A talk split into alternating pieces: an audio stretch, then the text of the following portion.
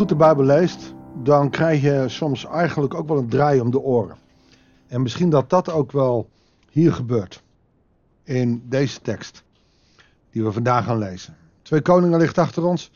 Ehm, en we gaan één keer uit Matthäus lezen. Zaterdag en zondag het hoofdstuk uit. Alleen ja, dan uh, hebben we geen podcast. Maandag beginnen we psalmen dan met openbaringen. Dus nu eerst Matthäus 21. Goeiedag, hartelijk welkom bij een nieuwe uitzending van het Bijbelsdagboek.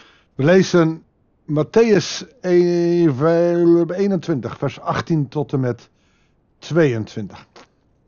Klein gedeelte, maar wel veel inzet. Toen hij vroeg in de morgen naar de stad terugkeerde, kreeg hij honger. En langs de weg zag hij een vijgenboom staan. Als je in Israël komt, staan er overal langs de weg uh, fruitbomen. Niet eens van iemand. Ze staan daar langs de weg, pruimen, vijgen. Je, je kan ze gek niet vinden. Je hebt hele wijngaarden, of, wijngaarden uiteraard, maar ook vijgengaarden. Je hebt, maar ook langs de weg kan je gewoon bomen tegenkomen. Dan kun je gewoon plukken en dan kan je gaan eten. Dat gebeurt hier ook. Hij liep er naartoe, maar er zaten alleen bladeren aan. Daarop zei hij tegen de boom: Nooit of te nimmer zul je meer vrucht dragen. Wauw, dit is weer zo'n ding dat God opeens uh, door Jezus dan heel streng is. Alsof die boom het expres doet dat hij geen vrucht draagt. En het mooie, dat beeld wat je daarbij kan krijgen, is dat, uh, dat het ook met gelovig is. Als jij denkt, als wij denken, dat we gewoon op, op zondag alleen naar de kerk gaan en dat genoeg is, dan ben je als een vijgenboom met wat bladeren. Je weet wel dat je kan bloeien, maar je doet het niet, want je doet er niks mee. Je moet uitstappen, je moet wat met je geloof doen. Alleen maar zitten luisteren naar een podcast, dan heb ik slecht nieuws voor je, dan kom je niet in de hemel. Je moet wat met je geloof gaan doen. Je moet er uh, actie mee ondernemen, als het ware. En dat betekent niet dat je beoordeeld wordt op wat je doet, maar vanuit je geloof in Jezus wil je wat doen, wil je het geloof delen. Wil je daarover praten? Wil je dat je medemensen ook iets van God uh, te weten kan komen? Dat is geen moeten, maar dat is een willen. En ik denk dat, dat, dat als je er niks mee doet, dat je bent als een vijgenboom zonder bladeren. En daar heeft God niks aan. En dan zegt hij, joh, je hoeft nooit meer vrucht te dragen. En in dit geval verdort de vijgenboom. En toen de leerlingen dat zagen, vroegen ze voorbij, hoe kan het dat de vijgenboom zo plotseling verdord is? En Jezus antwoordde, ik verzeker jullie. Als jullie geloven zonder te twijfelen, kun je niet alleen teweeg brengen wat er met die vijgenboom gebeurd is. Je kunt zelfs tegen die berg zeggen, kom van je plaats. En dat valt me op. Ik vond dit altijd een moeilijke tekst. Als je maar gelooft, dan kun je bergen verzetten. Dat riekt een beetje naar prosperity. Maar je kan een vraag stellen aan deze tekst. Want Jezus zegt hier heel duidelijk: als je gelooft zonder te twijfelen. Wie gelooft zonder te twijfelen? In deze tijd snap ik dat mensen twijfelen. En soms vind ik het ook fijn als mensen twijfelen, want dan gaan ze op zoek. Wat is dat geloven zonder twijfelen? En ja, je komt ze tegen. Mensen die bergen kunnen verzetten. Vanuit hun geloof. En dan niet letterlijk natuurlijk, maar die wel heel veel kunnen, omdat ze continu met God bezig zijn.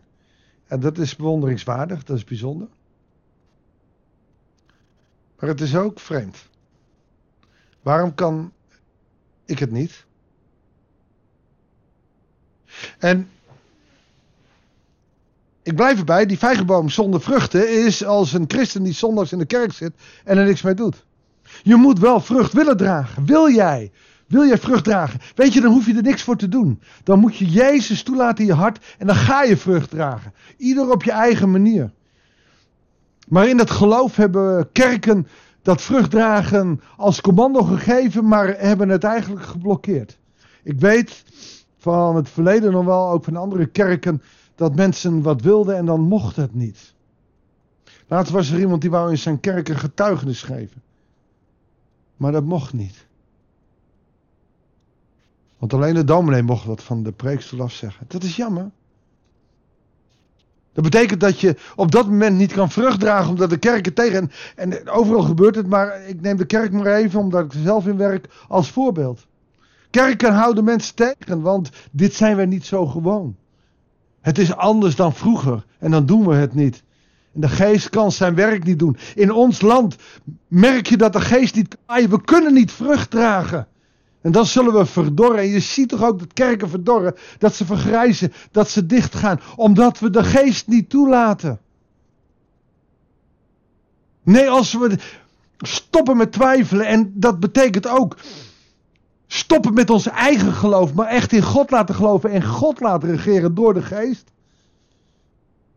En dat het niet mij gelijk, maar dat Jezus gelijk gaat tellen dan kon er wel eens heel veel veranderen. Dan konden er wel eens hele grote bergen verzet worden.